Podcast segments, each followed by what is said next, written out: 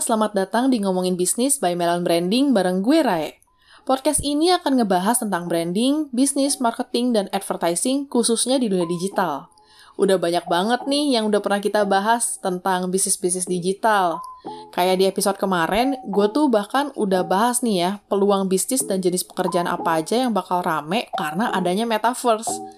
Kalau sekarang gue bakalan spill tentang strategi yang bisa lo pakai untuk branding dan marketing di metaverse. Kayaknya gue perlu kasih disclaimer dulu kali ya. Jadi tuh di bulan ini ya bakalan ada 4 episode yang ngebahas tentang metaverse dan ini adalah episode ketiga nih. Gue bakal ngebahas tentang metaverse.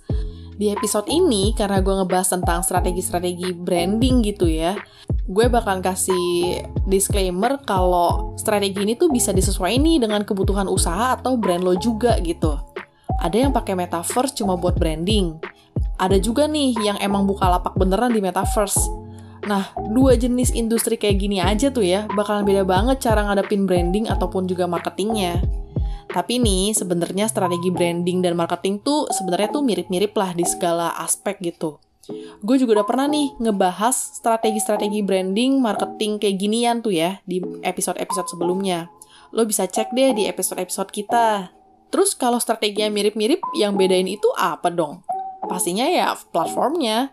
Tiap platform punya cara mainnya masing-masing nih, tinggal disesuaikan sama objektif atau goal dari branding dan marketing lo. Kalau ambil versi digital, lo nge-branding di Instagram sama di TikTok, pasti beda lah caranya. Nah, Metaverse ini sebagai kayak teman digital yang baru lah ya, punya personalitinya sendiri. Azik, gila, gue udah kayak ngebahas apaan coba nih soal Metaverse ini. Kalau cek-cek beberapa artikel dan penjelasan soal metaverse, dunia baru ini tuh bakalan bikin kita jadi lebih banyak interaksi kayak video game gitulah. Nah, ini udah bisa jadi basic knowledge dulu lah ya buat lo. Terus ada beberapa strategi yang mungkin ya bisa lo terapin juga. Pertama, karena ini mirip game, lo bisa bikin gamification di metaverse. Kayak misalnya lo buat billboard di sana. Gak cuma bikin billboard nih, tapi billboard yang interaktif gitu. Di mana orang-orang di metaverse bisa banyak interaksi deh di sana. Semakin mereka nyaman dan semakin sering mereka interaksi dengan billboard dan digital activity yang lo buat, mereka bakal semakin aware nih sama brand lo. Lagi jalan ke mana, bisa jadi lo yang diinget. Mirip kayak lo lagi deketin gebetan kan? Lo bikin dia terus interaksi sama lo, sampai akhirnya dia jadi mikirin lo gitu karena udah terbiasa bareng. Interaksi ini lo bisa ambil nih idenya dari mana-mana. Bisa mulai dari apa yang lagi hype dan lagi diobrolin orang-orang gitu. Kayak Coca-Cola, Samsung, sama Volkswagen gitu ya. Mereka tuh bikin game model Football Manager dan Hyperscape gitu. Nggak begitu ada hubungannya sih sama produk-produk mereka, tapi lebih ke raising awareness aja pakai game-game ini. Nah, kalau lo mau buat gamification, sesuaiin juga nih sama target audience lo. Lo bisa cek nih irisan dari target audience lo sama siapa aja yang ada di metaverse. Kedua, lo juga bisa bikin mix marketing supaya strategi marketing lo tuh relate lah satu sama lain antara dunia digital sama dunia nyata. Contohnya, lo lagi bikin promo nih dengan menangin game yang lo buat di metaverse. Nah, hadiah ini bisa mereka redeem di dunia nyata. Begitu juga sebaliknya ini bahkan bisa jadi narik attention mereka nih yang tadinya nggak paham-paham amat gitu kan apaan sih tuh metaverse gitu jadi main ke sana sebenarnya trik ini tuh mirip kayak lo lagi buka online shop jualan baju pakai website sendiri lo bikin promo sendiri yang ada di website supaya orang-orang dateng tuh ke website lo abis mereka belanja, mereka mungkin bisa dapat voucher diskon untuk belanja onsite misalnya. Nah, kan ada juga yang lo bisa modifikasi nih ya dari marketing di dunia digital yang sekarang ke metaverse gitu. Ketiga, khususnya buat brand di bidang fashion, lo bisa nih kerjasama sama anak IT untuk bikin produk lo tuh versi metaverse-nya. Walaupun lo jualan barang fisik ya, dengan jualan barang-barang secara digital, ini bakalan ningkatin awareness mereka ketika ada di metaverse. Apalagi ya, kebutuhan tiap orang itu ya mau tetap eksis lah, termasuk di metaverse nanti. Bahkan nih, lo bisa bikin jadi ajang pre-launch produk atau develop produk deh di metaverse. Jadi tuh mereka bakalan nyobain dulu produk-produk lo di metaverse. Kalau banyak yang suka, ya tinggal lo launching aja deh beneran di dunia nyata. Tapi kalau misalnya kayaknya nih peminatnya sedikit deh, kayak kurang serak gitu. Tinggal lo riset aja, kenapa sih mereka nggak suka? Kalau lo udah berhasil di tahap ini, lo bisa amplify bisnis lo nih Jadi kayak matenin desain lo dalam bentuk NFT. Biar nggak cuman Gojali aja yang bisa bikin selfie-nya jadi NFT. Produk lo juga bisa dibikin kayak gitu.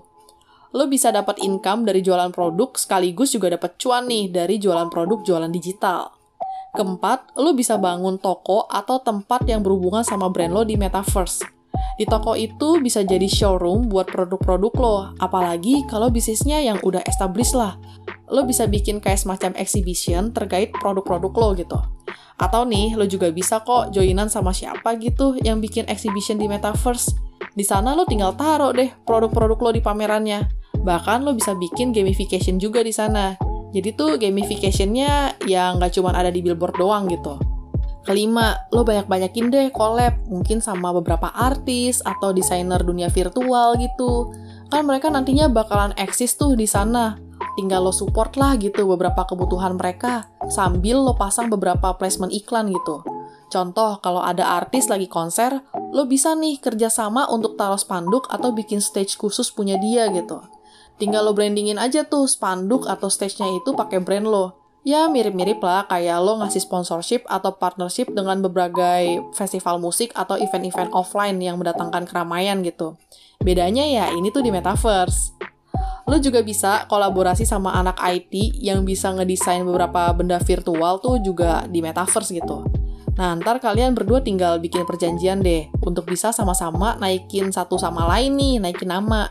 Simbiosis mutualisme kan jadinya ya mirip-mirip lah dengan beberapa kolaborasi brand dengan artis yang sekarang gitu yang ada. Bedanya kali ini ya mungkin kita bisa bilangnya digital artis kali ya. Nah, kalau dikulik tuh banyak banget sebenarnya kan strategi marketing di metaverse. Tinggal disesuaikan aja nih sama budget dan personality brand lo. Jangan lupa, mesti ditargeting juga objektif yang mau lo achieve tuh kayak gimana sih? Biar nggak cuma asal-asal doang nih ada di metaverse Kayak beberapa bisnis yang cuman asal doang nih ada di Instagram atau di TikTok atau mereka bikin website gitu. Minggu depan gue akan kasih nih beberapa contoh brand yang udah ada di Metaverse. Siapa tahu kan bisa jadi gambaran buat lo bikin beberapa strategi atau activity di Metaverse. Kalau lo merasa tercerahkan nih ya dengerin podcast ini, jangan lupa untuk follow kita di Spotify karena setiap minggunya bakalan ada episode baru nih. Jangan lupa juga untuk follow Instagram kita di @melonbranding dan main ke website kita di www.melonbranding.com. Karena di sana juga banyak nih berbagai insight tentang dunia bisnis dan marketing, khususnya dunia digital ya. Thank you udah dengerin gue, sampai ketemu di next episode. Bye-bye!